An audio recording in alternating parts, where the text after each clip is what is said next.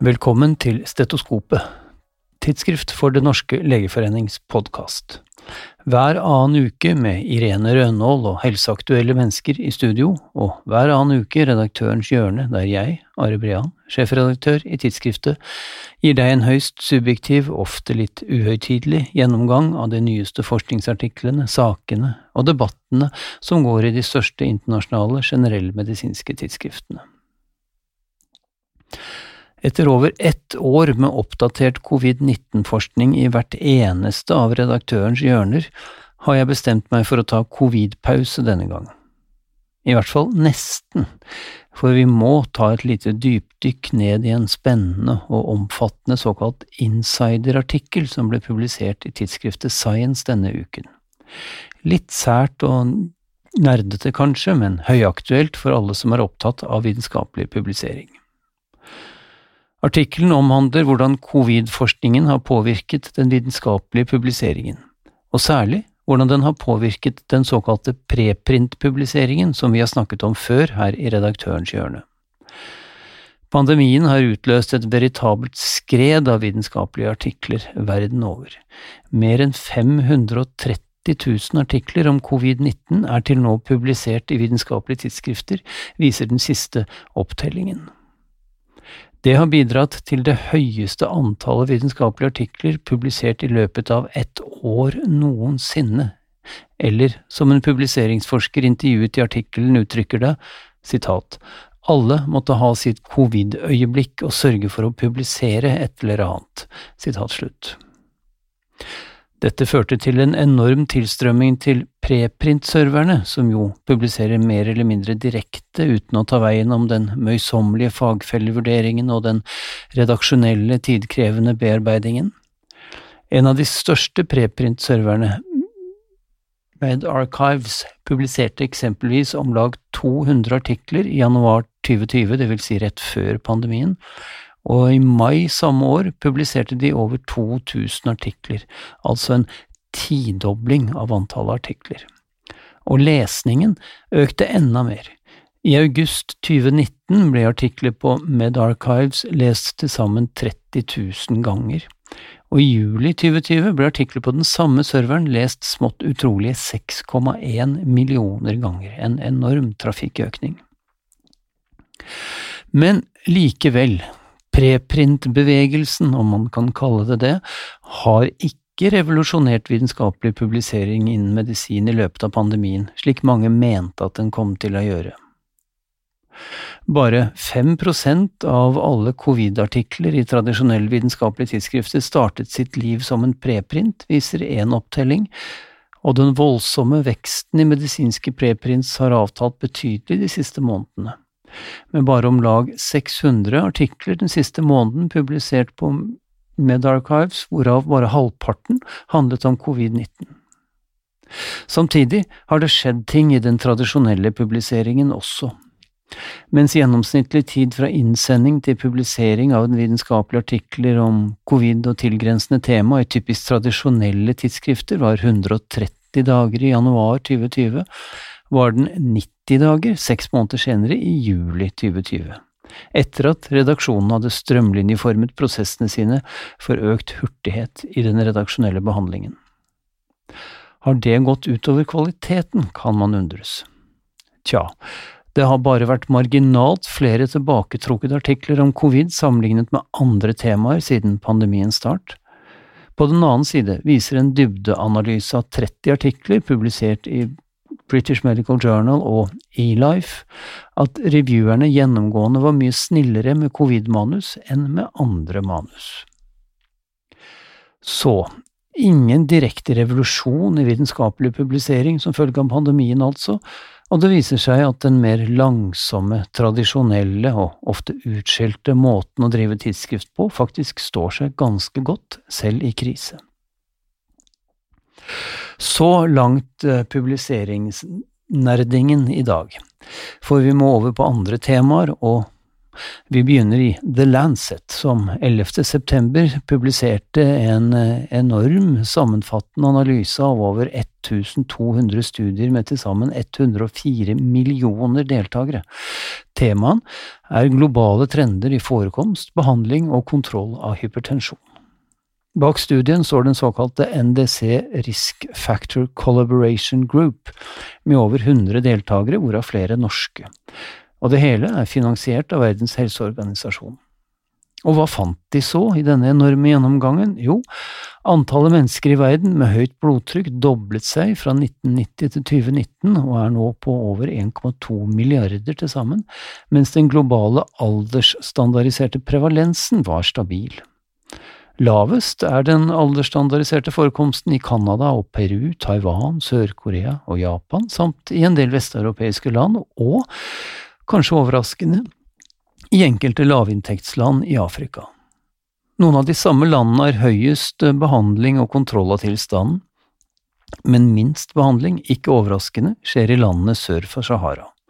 Alt i alt, både forekomst og grad av behandling varierer betydelig i verden og noen mellominntektsland gjør det bedre i så måte enn mange høyinntektsland.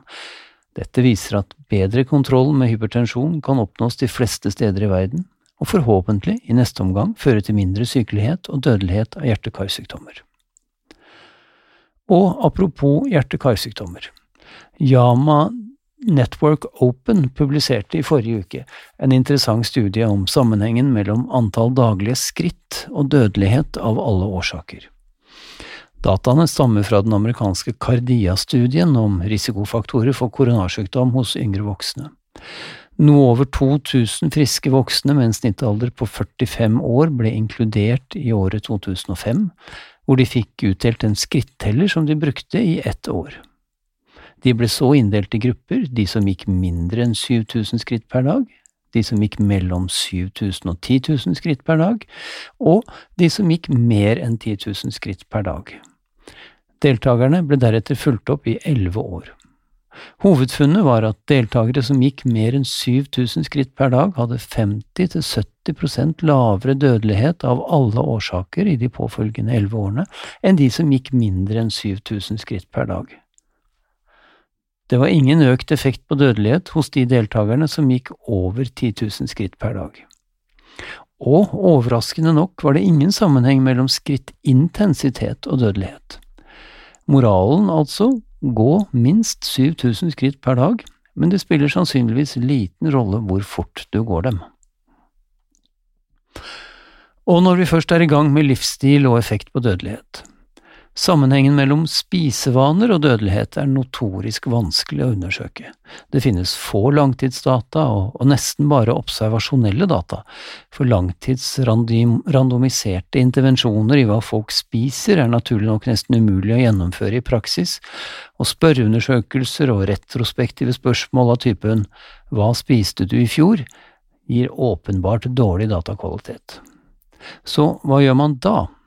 Jo, man lager en systematisk oversiktsartikkel over det som tross alt finnes av studier på området, slik forfatterne av en større artikkel, også nylig publisert i Yama Network Open, har gjort. De fant til sammen over 11 000 relevante studier i forskningslitteraturen. Blant disse ble én randomisert klinisk studie og til sammen 152 observasjonsstudier funnet gode nok til å bli inkludert. Alle er publisert eh, mellom årene 2000 og 2019. Studiene dekket 28 ulike land, funnene var konsistente over så å si alle studiene. Spisevaner, eller diett om man vil, rik på grønnsaker, frukt, belgfrukter, nøtter, fullkorn, umettede vegetabilske oljer, fisk og eventuelt magert kjøtt og fjærkre, samt fattig på rødt og bearbeidet kjøtt, meieriprodukter, raffinerte karbohydrater og søtsaker var assosiert med lavere dødelighet av alle årsaker. Ingen overraskelser her altså. Inntak av næringstett mat reduserer dødeligheten, mens mye rødt kjøtt og sukker ser ut til å øke den. Men sunn mat er dyr, i alle fall i USA, der mye av disse dataene stammer fra. Og en interessant studie i samme tidsskrift, publisert i sommer, kaster nytt lys over den kjente sammenhengen mellom sosial klasse og dødelighet. Studien analyserte total rikdom, altså summen av hva du eier og hvor mye du tjener midt i livet, med livslengde, altså hvem som eh, var døde 24 eh, år senere. Ikke overraskende var sammenhengen sterk, men det forskerne så gjorde, var å analysere søsken og tvillinger i materialet. Søsken og tvillinger deler nemlig både sosial bakgrunn og i varierende grad samme gener. Disse analysene viste at gener og sosial bakgrunn hadde betydelig mindre å si for livslengde enn rikdom. Det er mange fallgruver i disse analysene, selvsagt, for dette er svært komplekse sammenhenger, og, og målet rikdom i seg selv kan skjule mange andre kausale faktorer bak livslengde.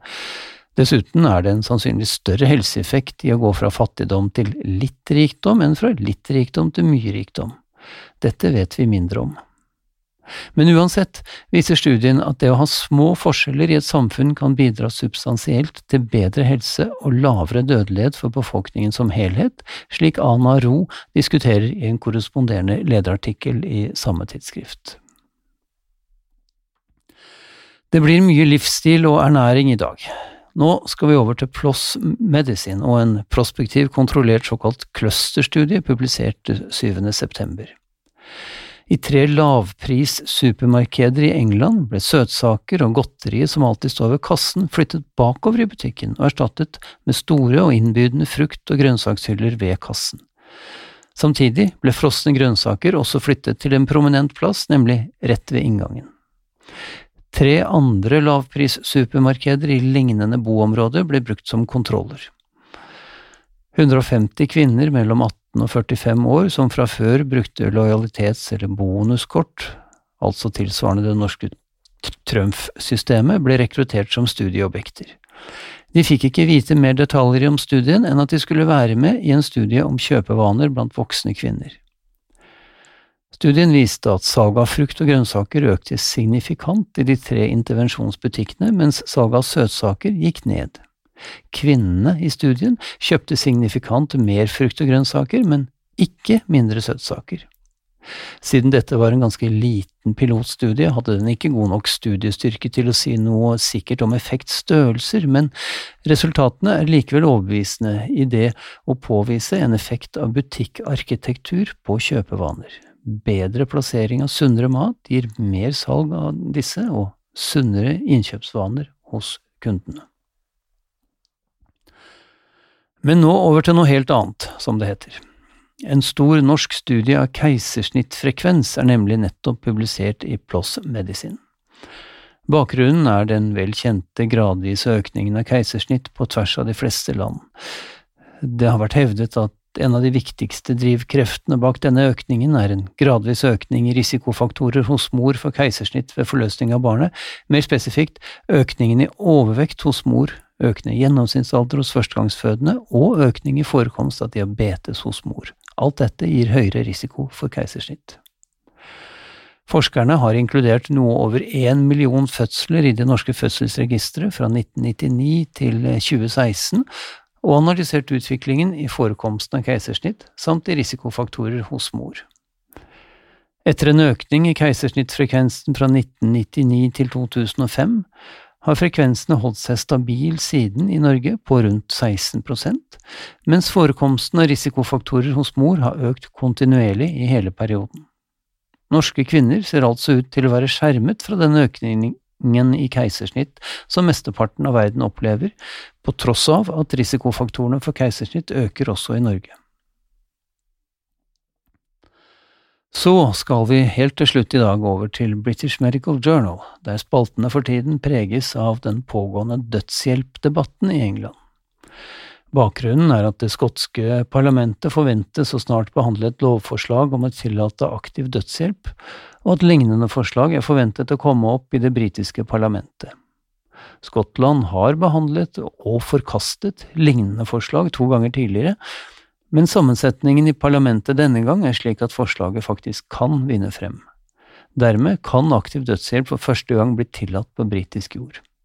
Forslaget er omstridt, selvsagt. Den britiske legeforeningen har uttalt seg skarpt mot, mens eh, British Medical Journal, som jo er eid av den britiske legeforeningen, har aktivt støttet innføringen av aktiv dødshjelp. Og snart skal Legeforeningen på ny ta stilling til spørsmålet, for mange medlemmer er på glid også her. I én medlemsundersøkelse har eksempelvis 40% av respondentene svart at Legeforeningen bør støtte legalisering, mens 33% mener Legeforeningen bør forbli negativ, og 21 mener den bør innta en nøytral holdning. Dette siste standpunktet støttes for øvrig også av BMJ, som mener at uh, Legeforeningen ikke bør obstruere en avgjørelse som samfunnet og lovforsamlingen bør ta. Dem om det. Og denne diskusjonen kommer til å komme med fornyet kraft også her i Norge.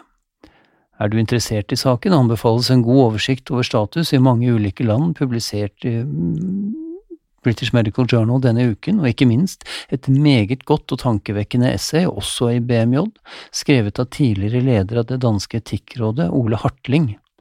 Han er meget skeptisk, med et utgangspunkt om at selve begrepet autonomi, som ofte er et kronargument i denne debatten, er en illusjon når man skal velge mellom liv og død.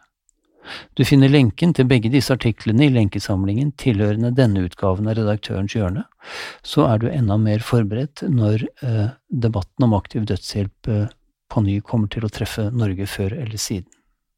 Det var alle dagens temaer i Redaktørens hjørne. Vi høres neste gang.